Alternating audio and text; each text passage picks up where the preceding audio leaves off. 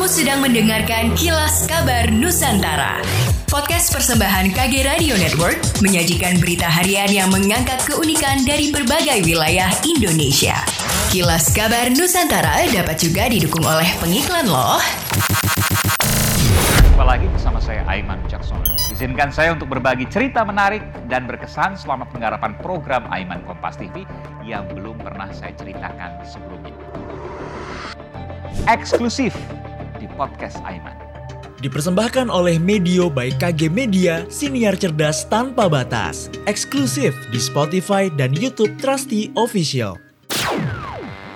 Animo mengikuti balapan jalanan atau street race di Makassar terpantau tinggi. Ini dibuktikan banyaknya pendaftar dalam ajang bertajuk Lantang Bangia Road to Untia Eco Circuit. Kepala Dinas Pemuda dan Olahraga di Spora Makassar Andi Patiware mengatakan sejauh ini sudah ada 200 lebih pendaftar. Rencananya digelar selama dua hari mulai 23 sampai 24 April 2022. Dia menjelaskan lintasan balapan di Jalan AP Petarani. Penyelenggara menyiapkan beragam hadiah bagi bagi pemenang. Sejumlah ketentuan diatur dalam kompetisi tersebut, di antaranya motor wajib standar pabrikan dengan kelas 125 cc. Patiwara memastikan telah mengantongi izin dari kepolisian dan disetujui penggunaan jalan AP Petarani dari BBPJN wilayah 13 Makassar. Sebelum perlombaan bakal digelar kegiatan deklarasi bersama komunitas pecinta otomotif sekota Makassar. Sementara Wali Kota Makassar Dani Pemanto dalam beberapa kesempatan berharap Ajang itu menjadi wadah untuk mengurangi balapan liar di jalan raya. Aktivitas itu selama ini marak dan dianggap membahayakan pengguna jalan. Pemerintah secara bertahap akan menghentikan siaran TV analog switch off atau ASO. Kebijakan tersebut mulai diberlakukan pada 30 April 2022 mendatang. Provinsi Sulawesi Selatan termasuk wilayah yang tidak lagi bisa menangkap siaran TV analog di tanggal tersebut. Kepala Dinas Komunikasi dan Informatika Diskominfo Sulsel Amson Padolo menyampaikan penghentian siaran TV analog telah diatur dalam Undang-Undang Cipta Kerja tahun 2020.